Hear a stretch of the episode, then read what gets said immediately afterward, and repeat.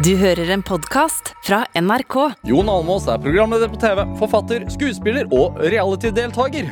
Han har vunnet Gullruten for beste programleder flere ganger, gitt ut bok om rydding og skapte i fjor årets TV-øyeblikk da han kysset med en ulv. Almås har en bachelorgrad i international business og fullførte i 2014 et av verdens hardeste triatlon, Norseman. Dette er Drivkraft med Vegard Larsen i NRK P2. Jon Almås, velkommen til Drivkraft. Tusen takk. Det var livet oppsummert i en eh, intro. Eh, ja, det kan du si. Det er jo Man har jo gjort litt, og så er det jo en del ting som er fremdeles ugjort, og det er jo veldig bra. Ja, hva er det? Mange ting som kan bli bedre. Ja, hva er det? Er det har du en sjekklist? Eh, ja, jeg har en del ting på blokka. Det er særlig dette med innen musikk føler jeg at jeg har mye ugjort. Ja, Altså lære, lære instrumenter å spille, eller å opptre med musikk? Nei, jeg øh, lærer å spille, egentlig.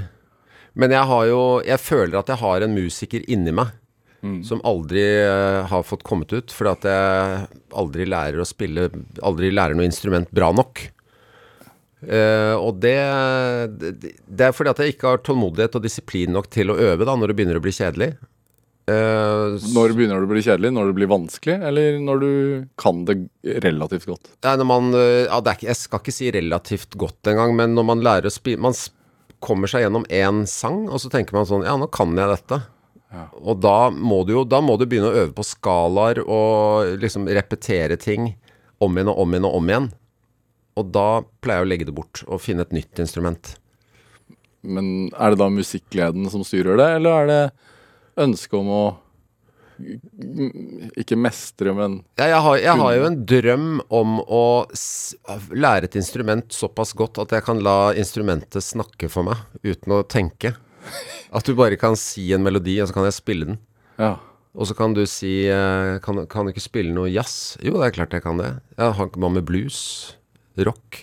Folkemusikk? Hvorfor, hvorfor vil du det? Hvorfor er det ønsket så Nei, sterkt? jeg, jeg vet ikke. Det er, det, er bare, det er jo fordi at jeg, jeg føler at jeg har en indre musiker, en vissen liten eh, musiker inni meg som aldri har fått eh, komme ut. Ja. Men det har ikke manglet på muligheter, for at jeg gikk jo på gitarspilling da jeg var barn. Uh, det var moren min betalte for det. Og da lærte jeg de der Lillebjørn Nilsen eh, Hvis jeg eier tusen plommer og Hang han Your Head Tom Dooley og sånn. Så de grepene de lærte jeg kanskje da jeg var 13 år. D og A7 og G og så videre, og de kan jeg jo fremdeles. Men jeg har aldri blitt noe bedre. Så jeg, hvis, hvis jeg har en gitar på et nachspiel, så kan jeg ikke spille en eneste sang. Egentlig. Men du kan spille G det, Hvilket instrument holder du på med nå? Eh, akkurat nå er det fokus på trekkspill, og så er det jo desember, og da tar jeg frem trompet. Ja. Og så spiller jeg julesanger i stua. Ja. Mm. Når? Eh, nei, når som helst. Hvis jeg har eh, fri på dagen, så eh, spiller jeg jo på dagen. Ja. Men det begrenser seg jo fordi jeg har eh, det, Trompet er veldig anstrengende for leppene, så jeg får jo leamus i munnen. Um, fordi man må knipe leppene så hardt sammen, og så er jeg utrent. For jeg spiller jo bare tre uker i året, og det er i desember. Hvor ofte har du fri på dagen? Eh, det kan være sånn som i dag. Akkurat nå holder vi jo på med Alle mot alle-innspillinger eh, på TV Norge, og da har jeg opptak på mandager og onsdager. Så har jeg egentlig fri, altså i den forstand at jeg jobber hjemme, da. Jeg skal jo forberede meg til morgendagen, men jeg har eh, gode dager. og da kan jeg, det er- nok til at jeg kan ta fram julefest med trompethefte, og så spille gjennom de, eh, de julesangene jeg kan. Ja. Og det er jo med backing eh, track, ikke sant. Da har du et orkester som spiller, og så spiller jeg til i min egen stue. Altså, du reiser deg opp i stua og setter på en, En CD. en CD Ja. og spiller Ja. aleine. Ja. Bikkja er der. ja og katten. Det er veldig rart å holde på. Ja, det, det, Det er er sånn kanskje hvis man Nei, men kanskje ikke. Hva, men hva, hva får du Nei, men drømmen er jo da å bli så god på trompet at uh, man kan improvisere litt. Ja. Improvisere rundt uh, Glade jul, for eksempel. For det er jo to vers. Så kan du spille det første verset sånn som det skal være, og så kan du på den andre så kan du ta en annen stemme, da, eller improvisere litt. Men den drømmen er jo den Det er bare en utopi. Det er jo ikke noe Du jobber jo ikke for å nå den. Nei, men eh, Eller jo, det gjør jeg jo. Men jeg gjør det jo En- en alt i dårlig. Ja, ikke sant. Det er for lite. Ja. Men sånn er det jo egentlig med veldig mye av det jeg driver med. At eh, jeg har lyst til å bli god eh, i forskjellige ting. Jeg er nysgjerrig på ting, og så begynner jeg med det. Og så merker jeg at dette mestrer jeg jo ganske raskt, da. Eller ikke mestrer, men her, dette får jeg jo til. Men så er det det å komme hakket videre eh, som er eh, som er vrient. Hva er gleden med å få til, da? Eh, det er jo først og fremst indre glede, da.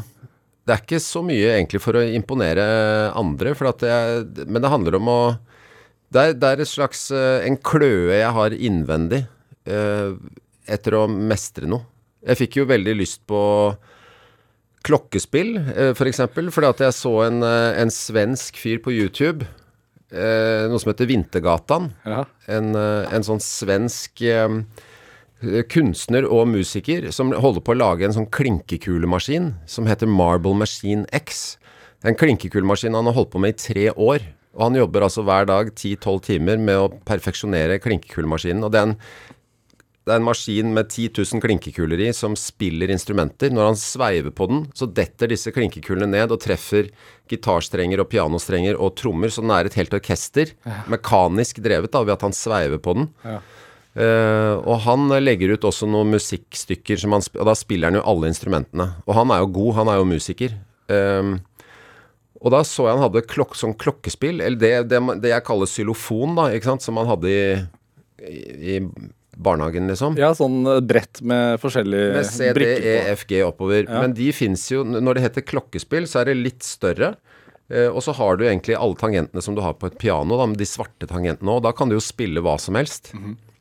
Og det syns jeg låt fint, så da kjøpte jeg meg et klokkespill. Hva koster et klokkespill? Eh, det kostet vel eh, Jeg kjøpte det jo på Finn, da. Eh, Det, det kostet kanskje 6000, og så fikk jeg det for fire, tror jeg. Ja. Var nesten ubrukt. Kjøpte av en fyr ansatt i kommunen i Telemark. ja. Reise hjem til han?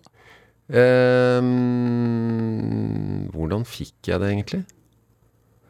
Jeg, nei, jeg, jeg kan ikke huske at jeg møtte han. Nei. Men jeg kan heller ikke huske at han sendte i posten. Kanskje jeg møtte han. Eh, Akkurat den overleveringen husker jeg faktisk ikke. Men det er ganske svært. Det er en svær koffert. Jeg må ha møtt han. ja, Ja, jeg, jeg, må, jeg tror jeg møtte han på halvveien et eller annet sted. Han skulle til uh, Oslo, sånn var det. ja. Ja, ja, så var personlig overlevering. Og så øver du i det stille, for deg, eller ikke i det stille, da, men du øver for deg selv. Men fremfører du da? Uh, en sjelden gang kan jeg fremføre Uh, på lavt nivå. Men det er jo sånn som trompetspillingen har jo vært ganske sur og dårlig, særlig i starten. Så var det jo Da var det sånn alle i familien sa å nei hver gang jeg tok frem den trompeten. Så da, derfor spilte jeg jo mest uh, på egen hånd. Men uh, men sånn som det er nå, så er jo til og med Altså mine bonusbarn og sånn som har flytta ut, de er jo sånn De, de vet at det er desember, det er julestemning når jeg tar fram uh, trompeten Ja. og spiller 'Mitt hjerte alltid vanker' og ja. 'Glade jul' og 'Deilig er jorden'. På julaften også? Eh, ja, det kan det være, men da har jeg en avtale med kona om at vi begrenser oss til tre låter. Så jeg kan spille tre melodier, og så er, så er det nok. Når er, når er det far spiller? Nei, det er jo gjerne Det kan være etter Sølvguttene, sånn før middag. Ja, for dere ser Sølvguttene hjemme. Ja, vi eh, pleier å ha på den der klokka fem. Så det kan være etter det, eller så kan det være etter middag. Ja. Eh, Sånn eh, utover kvelden. Men det er viktig at eh, det kan ikke være så mye promille involvert, for at da går det ikke. Hvis man har tatt seg et par glass vin, og det kan jo hende man gjør på julaften, så er det veldig vanskelig å lese noter og sånn. Ja. Du, du har på deg en fantastisk genser i dag. Fantastisk er vel kanskje Jeg vet ikke, er det å overdrive? Men det er en julegenser. Ja. Er, det, er, er, det, er du glad i jul? Er det derfor, eller er det til ære for oss? Eh, Nei, jeg har fått den av eh, kona mi til jul for noen år siden, og det er jo det er jo egentlig ganske god genser, for det er jo det er god kvalitet. Merinoull, tror jeg. Ja. Og den kan jeg jo bare bruke i desember. Du kan ikke gå med denne her eh, i september, liksom. Nei. Så det er en blå, er en blå merino-ullgenser med et motiv av julenissen på vei ned i Kashmir. Kashmir, til og med. Ja. Ja. Virgin wool, 80% virgin wool, 10% kasjmir, og så 10% viskose, da, som gir den den der deilige mykheten. Mykheten. Ja. ja, og så er det julemotiv. ja. Men den ligger da klar hver Og det, du tenker jo det er en for god genser til å ikke bruke? Ja. Og jeg bruker den ganske mye på jobb. Og jeg overbruker den, det vil jeg si. Men jeg er jo ikke en klesmann. Jeg har jo aldri vært veldig opptatt av klær, og det blir jo verre og verre jo eldre man blir. For nå har jeg bare Nå har jeg noen få plagg, og så tenker jeg at det får holde. Ja, er, er, Kjøper kona klær? Eh, Ikke til meg. Nei. Men eh, jeg har Altså, jeg har to-tre bukser også, som er gode og sitter. Og da er det ikke noe vits å begynne med nye bukser som ikke sitter. Og så har jeg Samme modell, da. Følger Ja. Og så ja, har jeg par-tre par-tre skjorter. Og så har jeg noen bukser som er Nei, altså noen gensere. Og da Da har jeg ikke behov for mer, egentlig. Nei, men trenger man noe mer, da? Ja, det er jo dette med at klær skaper folk, da. Og jeg har På én måte har jeg jo lyst til å være en velkledd herre. Ikke sant? Som er sånn Ja, men det er du. Hvis du er og, hvis du er og spiller golf, så er du velkledd. eh, ja, Men det er, det er jo sånn et pikéer man har fått. Ja. Ikke sant. Det er jo Det er ikke noe Jeg er ikke noe velkledd herre, men det er jo fordi at lysten til å være en velkledd herre er ikke stor nok. Og jeg har ikke lyst til å bli sånn klisjé på ve sånn vestkantmann med sånn skjorte med genser utenpå og skinnlapper på albuene. Og, og så er det det at Hvorfor vil du ikke det? Du er, du er, du er vestkantmann. Ja, men jeg føler ikke at jeg er en vestkantmann i sjelen. Ikke sant? Jeg vil ikke være Jeg vil ikke handle på Gant og så spankulere rundt som en sånn vinneren-fyr. ikke sant? Men, men det er jo Samtidig er det vanskelig, for jeg kan ikke være sånn Henrik Mestad-fyr med rutete skjorte og sånne Carhartt-bukser med, med lommer på lårene og, og se ut som at jeg er liksom en fjellklatrer. Ikke sant? Jeg kan ikke være det heller. Så jeg har ingen, jeg har ingen stil. Nei, men du har fundert på det der. Ja, ja, ja. Og da har jeg bare valgt det bort, og bare bestemt meg for at det har ikke så mye å si. Nei. Det er heller et par gode sko. Ja, det er viktig. Ja. Praktisk. Ja, og at det, er, det gjør ikke noe at det er litt dyrt heller. Jeg synes det er eh, Altså at du kan ha på deg Det er ikke så farlig med de andre greiene, men hvis du har liksom ordentlig fottøy, Ja. Så er det bra. Men har du alltid vært sånn? Eh, ja Eller var det en periode du var opptatt av klær? Jeg var vel opptatt av klær da jeg var ja, det, har- det har gått litt i perioder, men da jeg var barn, så var jeg jo ikke opptatt av klær. Altså barn eh, 8, 9, 10, 11, 12. Da gikk jeg med Jeg husker at jeg gikk med bevernylonbukser og sånne Mesna-lobber på Steinerskolen. Ja. Eh, og det syns jeg var digg å gå med. Det var en brun bevernylonbukse som jeg hadde eh, i mange år.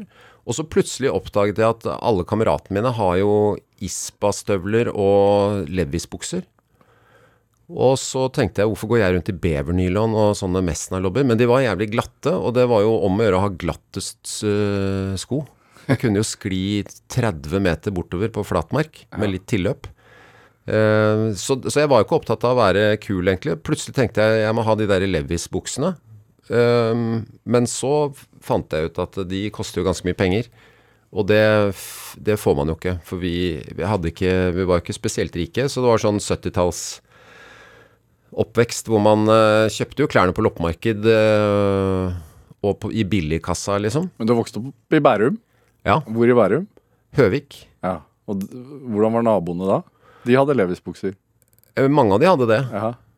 Eh, det var ikke sånn Det var ikke et veldig rikt eh, nabolag, men eh, middelklasse Solid. Det var mange som hadde, hadde det, ja. Ja. Og vi, men jeg har jo også hatt foreldre som ikke har syntes at det har vært så veldig viktig. Faren min ble jo tatt for å Altså, vi var og skulle kjøpe juletre da jeg var eh, kanskje sånn 16, 16 år, og lillesøsteren min eh, var vel 11, og vi var og kjøpte juletre, og da sto, sto vi og holdt Faren min sto og holdt et juletre. Og så kom det en fyr i sånn eh, kasjmirfrakk og dress bort til faren min og spurte, med et juletre og spurte hvor mye skal du ha for dette treet. Så han ble jo tatt for å være juletreselger, og det var jo fordi han hadde en veldig rar hekla lue og en boblejakke som var kneppet litt feil og Ja. Ikke sant? Så det, han har jo aldri hatt voldsomt fokus på at uh, klær er så veldig viktig. Du, blir du mer og mer som faren din? Ja, det er det jeg kanskje lurer på. Hva var jeg, drit, jeg driter litt i det, på en måte. Altså, jeg har ikke noe voldsomt behov for å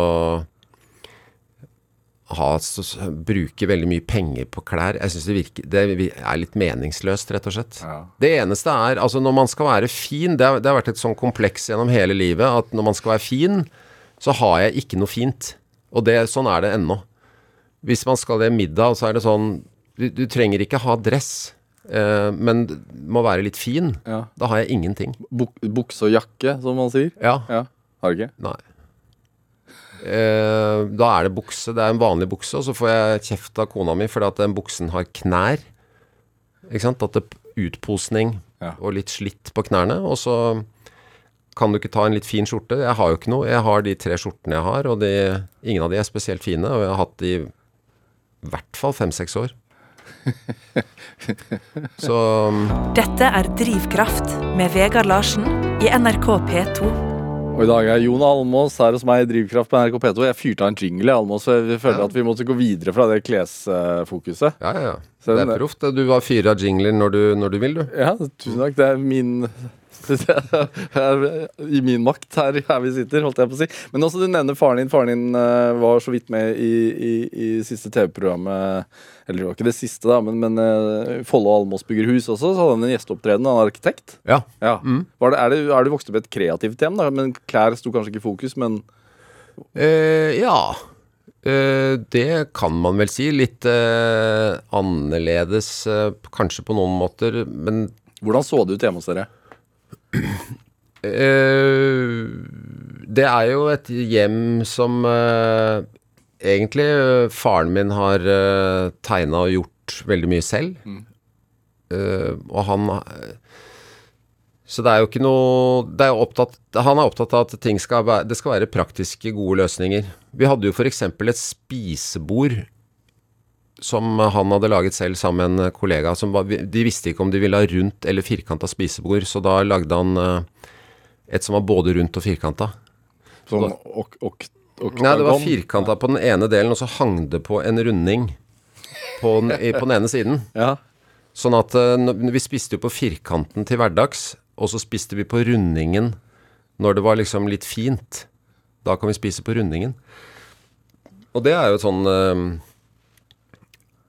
Altså, det, det jeg har jo Jeg er jo litt inspirert av det at du eh, Man skal Man trenger liksom ikke kjøpe seg til at noe skal være fint. Det er jo det faren min har vært motstander av, at du skal liksom skape deg et hjem, og så kjøper du da et spisebord til 85 000, sånn at når folk kommer inn, så er det første de skal si er Oi, har du et spisebord til 85 000? Det var fint. Ja. At det er ikke det som skal være fint. Hva, hva, nei. nei, det er jo mer følelsen og, og rommet og funksjonen som skal være viktig. Sånn at det er Ja, det, det var, han lagde jo alle lampene selv. De var jo ikke sånn Det var ikke supre lamper, men eh, De funket. ja, det var en lyspære som hang i en eh, ledning, og så var det en sånn papirskjerm Ja. rundt. Og så noen trepinner som holdt den fast. Hvor, hvor, hvordan er det hjemme hos deg, da? Nei, det er jo litt likt, da. Ja. Er det Pusse opp og ommøblere og sånn? Det Nei, kona mi vil jo gjøre det hele tiden, men eh, jeg mener at vi har det greit. er det, er det, men eh, men eh, jeg Vinner du? Ja, men det er jo fordi at det å pusse opp er jo en veldig omfattende ting, og det, det må jeg minne henne på at skal vi begynne med det nå? Vi har hund, katt, to barn som bor hjemme fremdeles. Begge er i full jobb, og så skal man begynne med det der støvgreiene og Altså, jeg, jeg kan være enig i at vi skal slipe, eller bør, kan slipe gulvet, liksom, Ja. og få litt ny giv. For det, man kan jo bli litt sånn blind på at det begynner å se slitent uh, ut hjemme. Det er litt flekker på teppet i gangen, og, og det, altså det kan, det kan bli lekrere. Og så kommer man, eh, så er man på besøk hos folk som har det lekkert, og så tenker man at eh, ja, ja, men kanskje vi skal dra hjem og, og gjøre det lekkert. Men så er jo det såpass mye mas med det at, eh, at vi trenger jo ikke det. Men er du lat, da? Du slår meg jo ikke som det. Jo, men jeg er jo jeg er nok litt lat. Altså, det er jo litt sånn Jeg, har, jeg er lat i hvert fall på noen ting. Ja. Um, Jeg trodde du var sånn som var i boden og likte å, likte å slipe det gulvet. Nei, men det, altså, jeg liker jo ak akkurat det å slipe gulvet, men det er det forarbeidet og etterarbeidet, det å dekke til med plast og, og rydde ut alt og sånn, det er for mye mas for meg. At du har, vi har jo sånn, det er jo gammel parkett, det er et hus fra 1946, og det at det gulvet er litt slitt, og at det er litt slitt under stolene på spisebordet der man har sittet hele tiden og sånn, at det er litt spor av eh, liv, Ja. det plager ikke meg så mye. Og vi har en sofa som, eh, akkurat som vi hadde hjemme, eh, så er det en sofa som vi har laget selv, da. Som er to, to madrasser i en vinkel, men det er en ganske stor hjørne, hjørnesofa. eh, Med en eikeramme, og den fungerer veldig fint. Ja. Og så har vi noen Ja, noe bord og sånt som er Det er ting man lager Jeg ser at det her Her er det plass til å ha et lite Et lite bord, og så lager jeg det. Hvor, Men- hvor ofte ligger du i den sofaen? Veldig ofte. Hver dag. Ja, gjør du det? Ja, ja. Og den er jo, det er jo en vinkel, det er en V, sånn at eh, kona mi kan ligge på den ene, og jeg kan ligge på den andre. Og så Og der er det Jeg mener at jeg ligger for mye der. Og egentlig så mener jeg kanskje at man ikke bør ha sofa i det hele tatt. At sofa er et uh, møbel som er djevelens verk. Fordi Nei, man blir jo slapp av det, da. Altså, jeg kan jo gå hjem fra jobb, eller eh, være på vei hjem og tenke sånn I dag skal jeg få gjort ganske mye. Og så kommer jeg inn døra, og så blir jeg overveldet av en sånn enorm eh, tyngdekraft. Og så har den sofaen en sånn magnetisk Så tenker jeg at jeg kan jo bare legge meg ned på sofaen og bare sjekke nyhetene, for nå er det lenge siden. Og så legger man seg ned på sofaen, og så, er, og så har du det gående. Og det hadde vært bedre hvis den sofaen ikke hadde vært der. De hadde ikke sofa i, i riktig gamle dager, så hadde de ikke sofa. Nei. Jeg, og jeg, hvorfor skal man ha sofa? Det er jo Nei, det er, det er, eh, det er Sofa fører ikke noe bra med seg. Er du sånn at en dag eh, uten å få gjort noe er en bortkastet dag? Altså, det, jeg, jeg vil jo ikke si at jeg er sånn, fordi at uh, jeg har veldig mange dager uten at jeg får gjort noe. Så i, så i så fall kaster jeg bort veldig mange dager. Men jeg har jo jeg har vokst opp med foreldre, både moren min og faren min har jo vært veldig uh, aktive folk som har fått, fått gjort veldig mye. Og de har jo Jeg har ikke vokst opp med foreldre som har ligget på sofaen. Nei. Uh, Hvordan, hvordan var en helg i, i barndomshjemmet til Almås? Eh, nei, vi barna eh, lekte jo, og fore, foreldrene mine jobba med ting. Altså Og faren min uh, Enten så var det noe oppussing, eller så var det en sånn tresnekke som uh, måtte pusses. Og så Og han var jo også involvert i i ishockeymiljøet da, på Høvik. Så det var alltid det var alltid ting som skulle gjøres. Og vi hadde jo et Det var jo en, en hage med, med alltid prosjekter. Ja. Ting som skulle bygges og fikses og ordnes. Er det, Og så- ja, er, er det fint Altså, har du, har du involvert barna dine på samme måte? Nei, Um, og det er jo kanskje noe jeg angrer på. Altså, jeg har jo Jeg har jo alltid vært involvert i sånne dugnader på hytta og sånn fra jeg var uh, liten, og da følte jeg at uh, vi hadde ikke noe valg. Eh, men sånn det er blitt nå, og jeg vet ikke helt hvorfor det er blitt sånn, så føler jeg at jeg kan ikke tvinge mine barn til å være med på hytta på dugnad hvis de egentlig har andre planer. Ikke sant? Hvis jeg sier at uh, vi må dra ned og stenge hytta, uh, og så sier de ja, men jeg skal i bursdag og jeg skal på fest. Så sier jeg ja, ok, ja da får jeg dra ned og gjøre det alene. Men, uh, men i gamle dager hadde man jo ikke noe valg. Nei. Ehm, så der, tidene har forandra seg litt, da. Uh, og fordelen med det å vokse opp sånn som jeg gjorde, er jo at man får jo vært med på mye rart, da. Jeg, det var jo ikke noe jeg hadde lyst til alltid. Det var jo ikke alltid gøy. Men er det dugnad, så er man med. Ja, Ja. ja. ja. Og det er både på fars og mors siden så er det dugnad. Altså med faren min så var det med onkler og sånn opp på hytta, og da De har jo en eh, liten hytte inne på Hardangervidda hvor det var tungt å bære masse materialer som skulle fraktes med ferge og bæres inn, og der, der holdt vi på.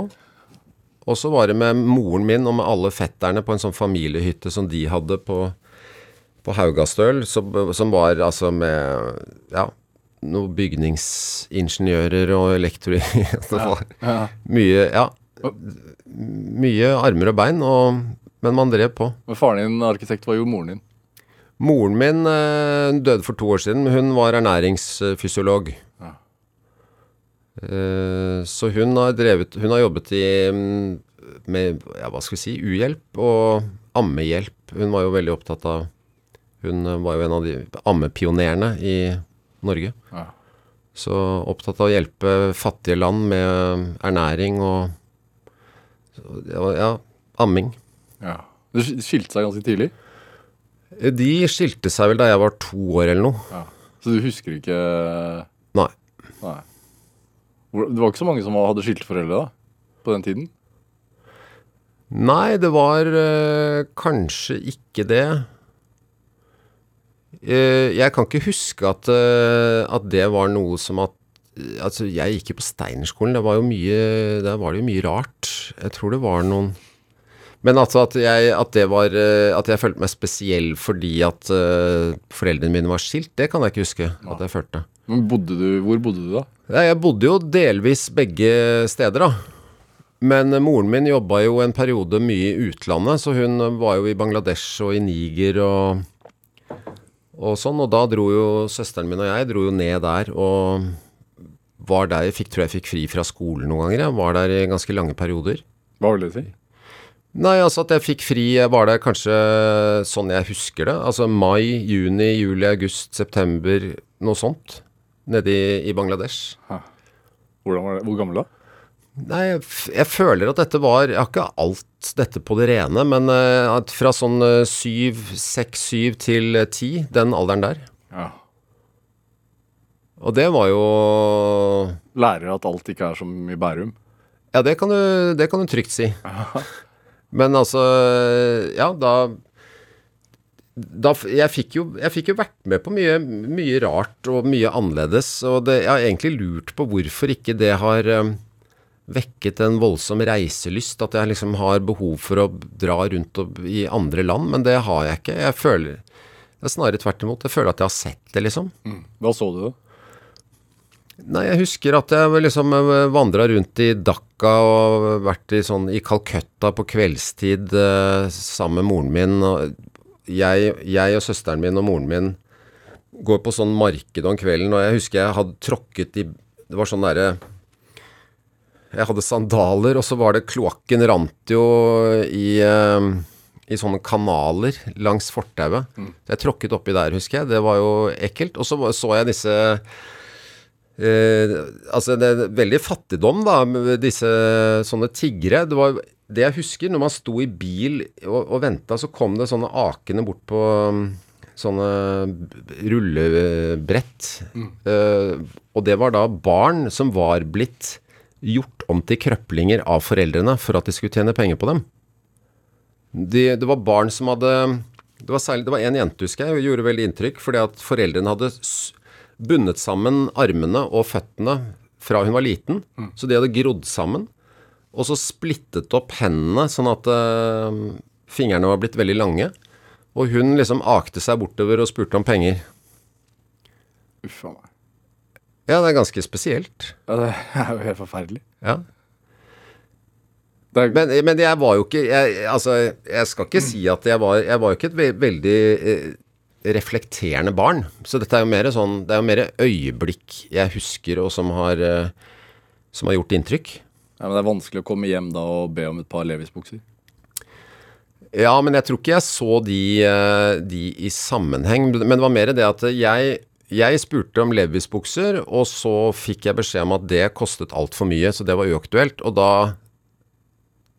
da, var det, da tenkte jeg det, ikke, det er ikke noe vits å mase om det. Det er jo uaktuelt. Ja. Vi har ikke råd til det, så det er bare å droppe det.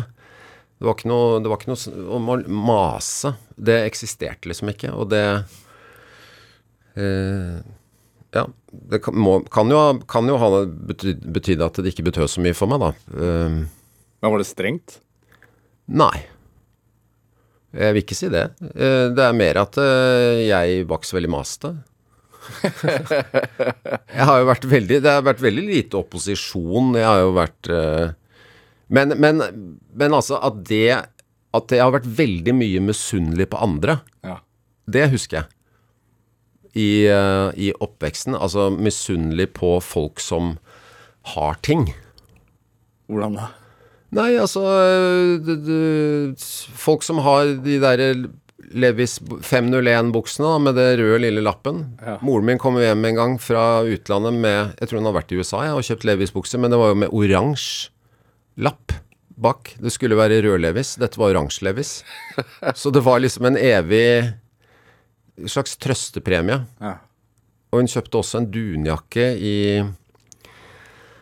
i Italia som, var, som het Piumino Duca. Og da skulle det jo være liksom Skulle være Moncler, Millet eller Gary. Og så hadde jeg Piumino Duca. Og de hadde ikke sånne ribber med dun, som var sånne horisontale ribber. Den hadde firkanta ruter, og det var det ingen andre som hadde. Så det var, eh, var fattigmanns, fattigmanns dunjakke. Ja. Tror du altså, sånn, de opplevelsene i, i ungdommen og sånn har gjort at du er åpen for all slags folk? Altså at du ser eh, status og sånn har ikke så mye betydning? Ja, det eh, Jeg trives veldig godt, egentlig, med underdogs. Og jeg har jo vokst opp eh, Altså, jeg har vært Jeg har vært rundt uh, veldig mye forskjellige folk. Jeg trives veldig godt blant, uh, blant håndverkere.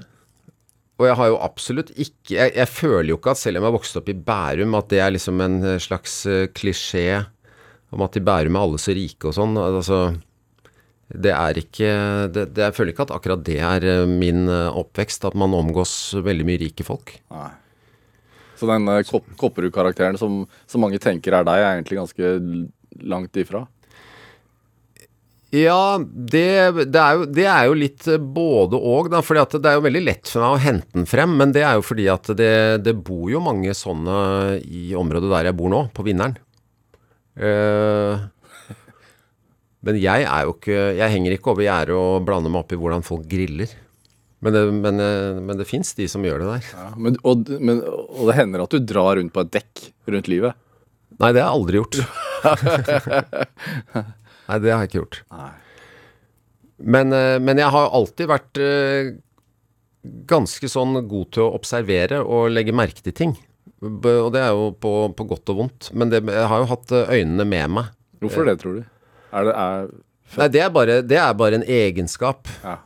som kan være både en, eh, en velsignelse og en eh, forbannelse, egentlig. Det er også noe som jeg tror jeg arva av min far, da, men det fins vel også og andre i familien som er gode på det. Og så er det noen som ikke er så gode på det. Hvordan er det en forbannelse? Eh, Nei, det kan være at man legger merke til Altså hvis du, hvis du får Altså hvis Du legger alltid merke til det som ikke er bra.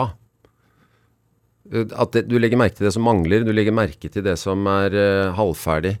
Det som ikke er bra. Som for eksempel? Som f.eks. at her mangler jo en, en kloss, en MDF-kloss. Ikke sant? Det skal jo være to klosser her. Ja, du, du, du snakker om det pleksiglasset som skiller oss her i studio. Ja. Så er det Ja. Alle, alle MDF er treverket som holder pleksiglasset oppe, og den ene, ene har bare én, den andre har to. det er, begge de to har to, Ja. og den mangler en. Akkurat det er jo ikke noe forbannelse. Men, Men- det irriterer deg. Det irriterer meg litt. For dette står jo ikke like støtt som de andre der. Nei. Men eh, det er ikke noe Hvordan, hvordan irriterer det? Gnager det? eh, Nei, Kanskje ikke, kanskje ikke akkurat denne klossen, men sånn Nei, nå, jeg, hjemme. nå, her er jeg mer nysgjerrig på hvor er den siste klossen, og hvorfor har den bare én? Men hjemme hos Almås, også hvis det er uh... Og så er det en annen ting. Du ser at det er huller her. ja, På noen av de så er de plassert med hullene ned, ja, det er og så er det hullene opp her. ja. Mm. Det, er ikke, det er ikke symmetri. Nei, det er ikke symmetri. Men, men, altså, men det har jo ikke noe å si. Det, og jeg, jeg, jeg, er ikke noen sånn tellekantfyr. Men, men det er jo Og det, av og til er det en styrke at man legger merke til ting. Ikke sant? Når jeg kommer, når jeg, når jeg- kommer hjem, når jeg kommer inn døra hjemme, så begynner Da er jo alle tentaklene ute. Ikke sant? La oss si at det er øh, Hvis du ser for deg en sånn en blekksprut, da, eller eh, en slags et plante, en organisme med følehorn, så er det kanskje tolv følehorn som er ute. Og da ser jeg hvilke sko er i gangen, hvem er hjemme, er det våte spor, er det noen som akkurat har kommet hjem? Uh, har de hengt fra seg jakka der? Hvem er det? Hvem er så, Og med en gang så vet jeg hvem som er hjemme, og hvem som ikke er hjemme. Ja. Og hvem som ikke har gjort jobben. Jeg er ikke så opptatt egentlig av, øh, av skyldfordeling, men det er mer det at jeg legger merke, jeg legger merke til dette. Ikke sant? Og det er jo Du kan si at det er ubrukelig kunnskap, men øh, Men øh, også, det, kan, det er også nyttig av og til, da. Hvordan da? Nei, at man legger Man har øynene med seg og legger, legger merke til ting. Uh, det fører jo til at jeg, jeg, glemmer jo veldig lite. Jeg husker hvor jeg har lagt ting, og jeg, eh, jeg er opptatt av eh, detaljer på, liksom, på enkelte ting. Og så er jeg øh, Ja, nei, jeg husker jo hvor jeg la brillene, liksom. I går. ja, men, men, de som ikke husker det, mm. hva, hva syns du om de, da? Nei, jeg, jeg, kan ikke skjønne at det er mulig, egentlig. eh, og jeg, jeg, Men brillene har sin plass? Ja, men det er sånn eh, Når kona mi har brukt bilen, og jeg skal bruke den, så er det alltid et, en slags uh, lek som begynner med 'hvor er nøkkelen'? For hun, har, hun, husker ikke hvor hun Den kan være i en lomme, den kan være i vesken, den kan være Men når jeg kommer inn, har, så tar jeg alltid bilnøkkelen ut av lomma og henger den på den knaggen. Ja. Som er til bilnøkkelen. Bilnøkkelknaggen. Ja, sånn at når hun skal bruke den neste gang, så henger, henger den der. Ja. um, og det, men det mener jeg mer har med en sånn praktisk sans å gjøre. At jeg har liksom Tentaklene er jo ute.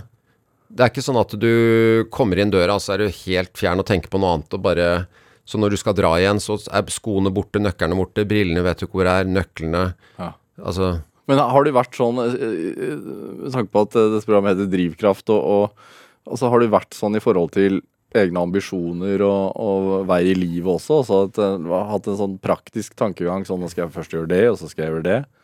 Men jeg har vært ekstremt lite planmessig, altså det må jeg bare si. Jeg har, jeg har vært veldig opptatt av å ha det gøy, egentlig. Det er jo det litt, litt, flaut, men samtidig er jeg litt stolt av det. At du har klart det? Uh, ja, at det har gått. Ja. Jeg har hatt en Og så har jeg en magefølelse som jeg, som jeg stoler på Som jeg tenker at uh, dette kan jo ikke være feil. Og det har jo vist seg å være riktig. Jeg tenkte jo Hva, jeg, For eksempel? Nei, altså, da, da, jeg skulle Da jeg skulle finne ut hva jeg skulle bli, ja. så var det jo Så gikk jeg jo noen runder med meg selv, fordi at jeg hadde jo Jeg har jo en slags ingeniørgen. Jeg var jo konteinerbarn som plukket fra hverandre ting og, og åpna barber, gamle barbermaskiner og radioer og sånn. Og likte å drive med loddebolt og å lage ting. Eh, så jeg tenkte jo at jeg skal sikkert bli elektroingeniør. Mm. Og så begynte jeg med det. Altså, eller jeg skulle studere i USA, og så uh, begynte jeg jo på ingeniørutdanning. Og så tenkte jeg at dette var da fryktelig kjedelig, med veldig mange kjedelige folk. Det må da være mulig å ha det litt mer moro enn det. Og, og så hoppa jeg over til business. Ja. Som du studerte i USA? Ja. ja. Eh, men jeg syns jo ikke heller at det var eh, Jeg klarte ikke helt å identifisere meg med de Det var jo noen andre Altså en tysker der, da. Martin. Hvor, hvor i USA var det? Det var østkysten. Ja. For eksempel Martin Løser fra Martin Løser fra Tyskland, ikke sant, som uh, ville begynne Han ville jobbe i banking.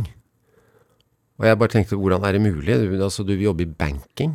Det Jeg kunne jo skjønne på en måte drømmen om å bli rik og drømmen om å tjene penger, men å jobbe i banking, det syns jeg hørtes uh, veldig kjedelig ut. Men så, så, da jeg var ferdig med uh, å studere økonomi, så begynte jeg jo å jobbe i shipping. Det var jo et veldig sånn shippingmiljø på østkysten. Ja. Norsk shippingmiljø. Så jeg fikk jo jobb i, i et uh, Stamford Tankers og jobbet som regnskapsassistent der. Og da ikke sant? Jeg drømte jo da litt om å bli eh, skipsmegler. For det så jævlig kult ut. De nordmennene som var i, i, nede i Connecticut, eh, de kjørte rundt på Harley Davidson i dress og, Og satt på kontoret med beina på bordet og masse telefoner og ringte rundt og, og, og tjente godt. Men, men etter å ha jobbet jeg, var, jeg satt jo ikke akkurat med beina på bordet og to telefoner og kjørte Harley Davidson, for jeg var jo bare en assistent der. Men jeg jobbet der et halvt års tid og skjønte etter hvert at det, for meg så er ikke dette veien å gå. Det er ikke Det å bare jobbe med penger øhm, og, og at alt du gjør handler om å suge ut øh, en kommisjon på en frakt som går fra Rotterdam til Karachi med, med liksom 16 tonn molasses, og så skal du tjene 2% av det. Ja. Det å sitte bare bak et, og ta telefoner, det passet ikke meg. Jeg må se det jeg jobber med. Det var egentlig den eh, erkjennelsen jeg hadde. Hva betyr det? Nei, jeg må, jeg må jobbe med noe som jeg ser. Jeg må ha det foran meg. Det må være liksom noe, noe håndfast. Ja. Og så jobber du i TV, som er utrolig litt håndfast. Ja, men samtidig ser du veldig det du jobber med, da. Ikke sant? Det er jo du lager Det er et visuelt produkt. Mye mer håndfast enn det du driver med. Det, det, det du lager, svever jo bare rundt ute I eteren, ja. i eteren. Ja.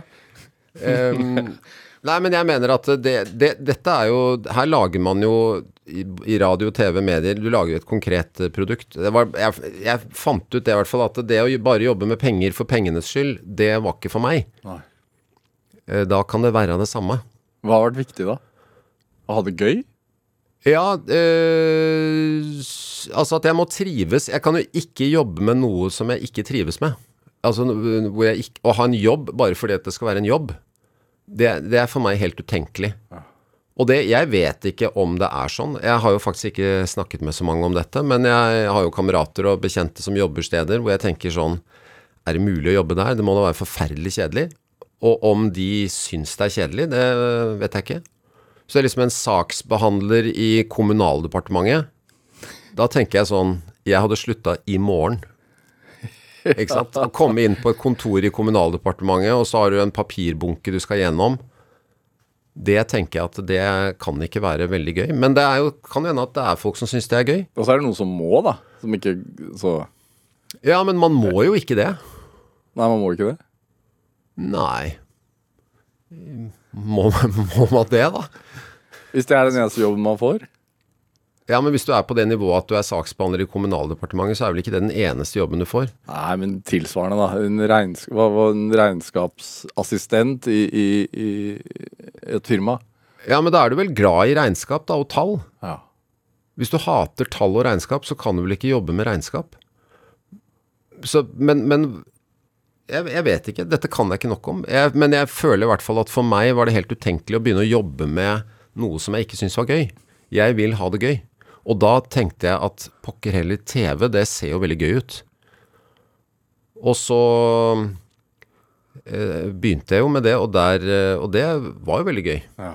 Hvordan kom du inn, egentlig? Altså, fordi det er jo lett å, å, å forveksle deg med en del av dine kolleger som er komikere, som har starta liksom på scenen og gjort standup og sånn. Du har jo ikke det. Nei, eh, jeg studerte jo i USA, og så der studerte jeg altså økonomi og litt drama. Jeg hadde en sånn minor i drama. Du har gjort en filmrolle i en eller annen Har du Ja, ikke jeg vil ikke kalle det en filmrolle, men jeg har vært statist. Jeg prøvde, jeg prøvde jo å bli eh, filmskuespiller Ja. i New York, så jeg var på noen sånne auditions og var statist i et par filmer. Fortell. Nei, det er bare sånn eh, da Hvor, hvor kan vi se deg? Dere kan se meg i eh, en eh, film som heter The Concierge med Michael J. Fox. Den har jeg ikke sett selv, så jeg vet jo ikke hvor jeg Det var en sånn folkemengde.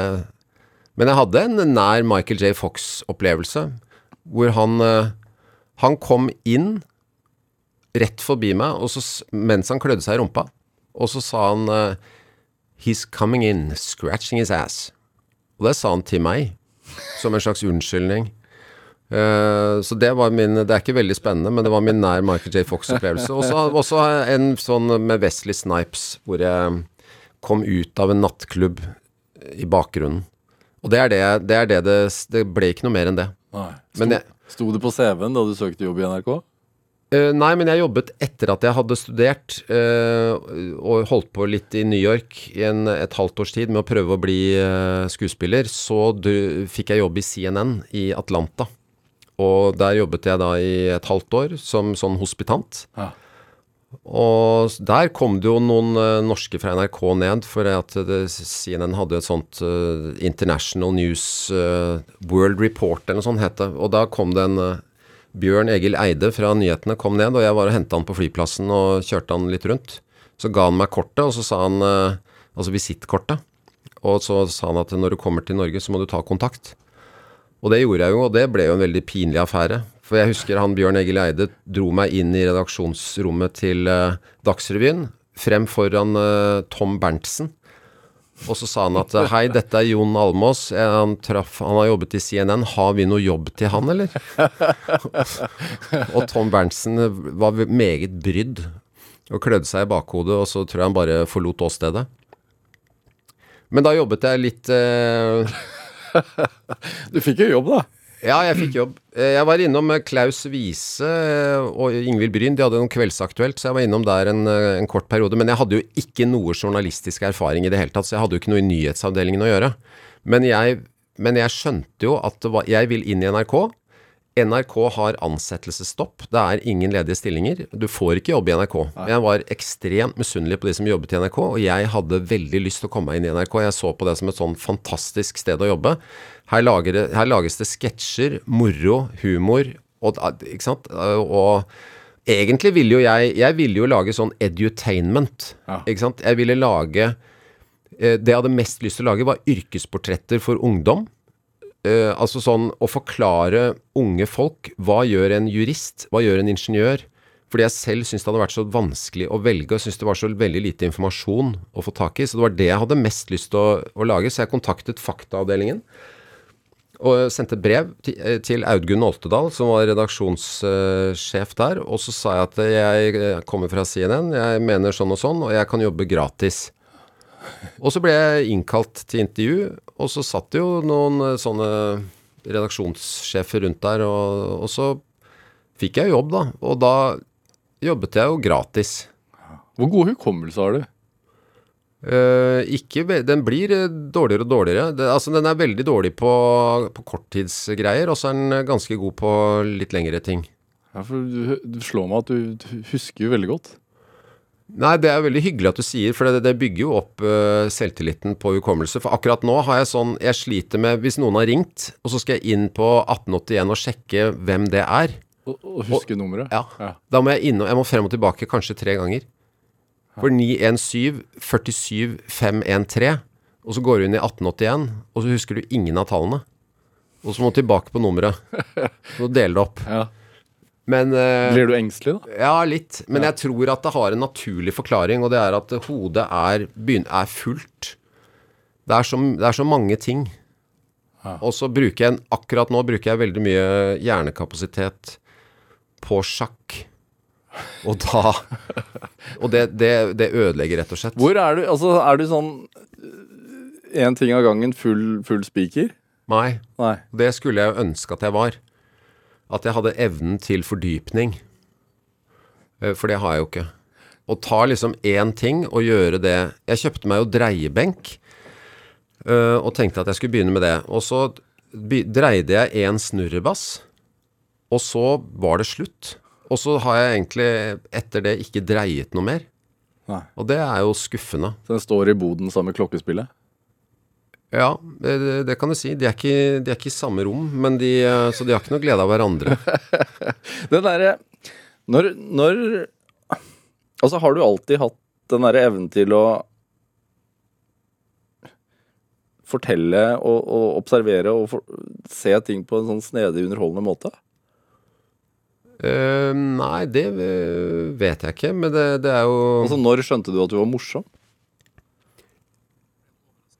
Ja, det er jo litt interessant, for jeg, jeg, jo, jeg er jo ikke noen komiker. Jeg ser jo på meg selv kanskje som en eh, munter eh, programleder, men at jeg har øh, et slags humoristisk talent, selv om jeg ikke er komiker, det husker jeg at jeg var på hytta en gang, og så hadde vi et sånn Mad-blad som jeg satt og leste i, og så plutselig fikk jeg det for meg at øh, nå skal jeg få de andre til å le. Og så fikk jeg jo det til, og moren min eh, lo så hun rista, og, så og jeg følte da at dette har jeg denne situasjonen har jeg full kontroll på. Hvis jeg sier sånn nå, så vet jeg at hun kommer til å le. Og den Jeg, jeg følte bare at eh, da, der og da så Jeg skjønte hva som Jeg vet hva som funker. Ja. Um, Musikalitet i det å fortelle en vits. Ja. Eh, ja, det å være morsom, da. Og kunne på en måte drive det lenger. Eh, kanskje det med timing, da, med pauser og sånn, for jeg føler at det er det som er Det er det jeg kanskje er god på innenfor humor, er jo timing. Men jeg er jo ikke noen, jo ikke noen vitsemaker. Jeg vil jo aldri Jeg klarer jo ikke å komme på noe standup. For det er no, sånn som komikere tenker eh, Når de skal lage en vits, så finner de jo ofte på ting som ikke er sant. Og det er min første innskytelse er jo at det der stemmer jo ikke. Det er jo ikke riktig. Ja. Ikke sant? Og det er jo en brems. Det er jo en brems i forhold til å finne på humormateriale. Når min verden Hvis jeg skal lage humor rundt det som ting i hverdagen, så begrenser min fantasi seg til sånn det faktisk er. Ikke at man liksom tar det ett skritt videre og begynner å ljuge. Ehm, så derfor er jeg ikke noe, jeg er ikke noe sånn type komiker, men, jeg, men det som jeg tror kanskje har vært min, min, min styrke, eller det som har passet meg veldig bra, er å sitte sånn i Nytt på Nytt og slenge noen muntre kommentarer, og få mye ut av lite, egentlig, da. Det er ikke, det er ikke, det er jo ikke veldig mye vitser, men det er små kommentarer som er eh, sånn til, riktig, til riktig tid. Ja. Men så, så, det så vi jo i 71 grader nord også da du var med der, at du observerer ting, og så syns du det er vittig, og så ser du et eller annet humoristisk poeng ved det, og så er du, virker det også som du er helt nødt til å fortelle, fortelle det, eller påpeke dette her. Ja, eh, Det verker. ja, men det har jo å gjøre med at man er med på å lage et underholdningsprogram. Jo da, og men er det litt sånn på hjemmebane også? Jeg er flinkere til å holde kjeft eh, på hjemmebane, egentlig. uh, og jeg, jeg har jo nå vært med på en ny uh, 71 grader nord-runde Ja, med lag. med lag, ja, som, som kommer på TV til, eh, til våren, eller i februar eller et eller annet. Og der, uh, der var jeg litt flinkere til å, til å holde ting for meg, for meg selv, egentlig. Ja. Men um, Hvorfor det? Nei, jeg bestemte meg for at det er jeg og Adam Skjølberg. øh, vi må jo prøve å vinne dette her, og da er vi nødt til å samarbeide. Og det, jeg, når, vi, når vi bare er to, så kan man ikke gå rundt og irritere den andre. Og han var jo også en sånn øh, Eller er en fyr med veldig bestemte meninger som er øh, Så når jeg Jeg merket jo Man føler seg jo fram. Og, og jeg merket at han liker ikke å bli irritert, og da da skal jeg øh, Da skal jeg stoppe mens leken er god. Hvorfor? Altså, det er sånn, plutselig så dukker det opp i masse reality-program. Hvorfor det? Uh, ja, det er jo ikke så masse reality-program, men det er jo altså 71 grader nord er jo noe som eh, står mitt hjerte nær. Ja. Det har jeg jo alltid likt. Og det henger jo sammen med At du kan vinne? Nei, det handler ikke om å vinne, men det handler om naturopplevelser og det å slite. Og jeg har jo alltid likt sånn Jeg liker jo fysisk slit mer enn psykisk slit. Jeg syns det er mye mer lystbetont å f.eks. spa pukk enn å Eller å hogge ved enn å lese en bok. Ja. Eh, og det er Jeg syns det er anstrengende å, å sette meg ned og lese. Men, jeg, jeg, men det å måke snø, eksempel, er jo Jeg kunne heller Jeg kunne måkt snø i mange timer. Du, men du, Jeg kunne måkt for naboer, men det er bare litt flaut å ringe på og spørre om jeg skal liksom ta oppkjørselen for 250 kroner. ja. For nå er jo et Men, hvor godt, altså, men du liker godt å være aleine også? Um, Ja. Men det er ikke noe sånn Jeg er ikke noe einstøing. Jeg ville aldri dratt på hytta alene. Det syns jeg Det synes jeg er trist. Ja. Um, men jeg trives jo med å være alene, fordi at da kan jeg gjøre det jeg vil. Jeg tenker, jeg tenker sånn, hva Hva er drivkraften nå, da? Drivkraften min nå er jo fortsatt Det er jo å ha det gøy. Ja. Eh, Det er jo å gjøre noe som jeg syns er morsomt. Og så er det jo litt sånn å forsørge familien. Altså, det har jo alltid vært min, mitt sånt eh, Hva skal vi si Prioriteringshierarki er jo, har jo alltid vært jobb, jobb, og så har det vært familie, og så har det vært meg selv på tredjeplass. Um, Og sånn er det jo ennå. Altså, det er jo Jeg vil jo sørge for Jobb først. Eh, ja, det er fordi jobben er jo grunnlaget for alt, på en måte. Uten, det, uten jobben så, så Så kan vi bare Da må vi legge inn årene, liksom. Så jeg må jo Jeg må jo gjøre det jeg må gjøre, sånn at Så regningene blir betalt. Ja. Og så Og så er det familien eh, etter det. Og så er det jo Så jeg er jo ikke en sånn som Jeg prioriterer f.eks. ikke mine hobbyer eller eh, min trening foran familien. Jeg kommer ikke hjem til kona og sier at uh, nå skal jeg på dreibenkmesse i, eh, i München i 14 dager, så nå får du styre her hjemme. Selv om du gjerne vil si Jeg skulle gjerne dratt på dreibenk, men eh, altså, det er veldig mye messer rundt omkring i verden jeg gjerne skulle dratt på. Hva, Men når trener du, da? Når alle har lagt seg? Ja, jeg trente i går kveld, og da, det var jo, da gikk jeg jo fra 10 til 11 oppe i Holmenkollen, i lysløypa der. Da var det bare jeg som var der. Ja. Hva mener du med gikk? Altså på ski? Ja. Ja. Det er bare en liten sløyfe med snø der, men det er jo helt supre skiforhold, så da gikk jeg Og da skrudde de av lysene i lysløypa klokka 11. Da var jeg akkurat ferdig. Ja. Men da Det var jo Ja, klokka ti, da. ja. Hva tenker du når du legger deg da? da? Da tenker jeg at uh, dette var digg. Jeg sover mye bedre. Man, altså, jeg har jo hatt en periode nå Jeg er jo ikke noe høstmenneske. Å ja. Er det dårlig tid? Ja, nå er det dårlig tid. Nå er det ferdig. Nei! jo, det var det. Det var det vi rakk Jon oss. Nei, har tiden gått? Det var digg. Tusen takk for at du kom til Drivkraft. Hyggelig å være her. Hør flere samtaler i Drivkraft på nrk.no eller i appen NRK Radio. Eh, produsent i dag det var Kjartan Aarsand.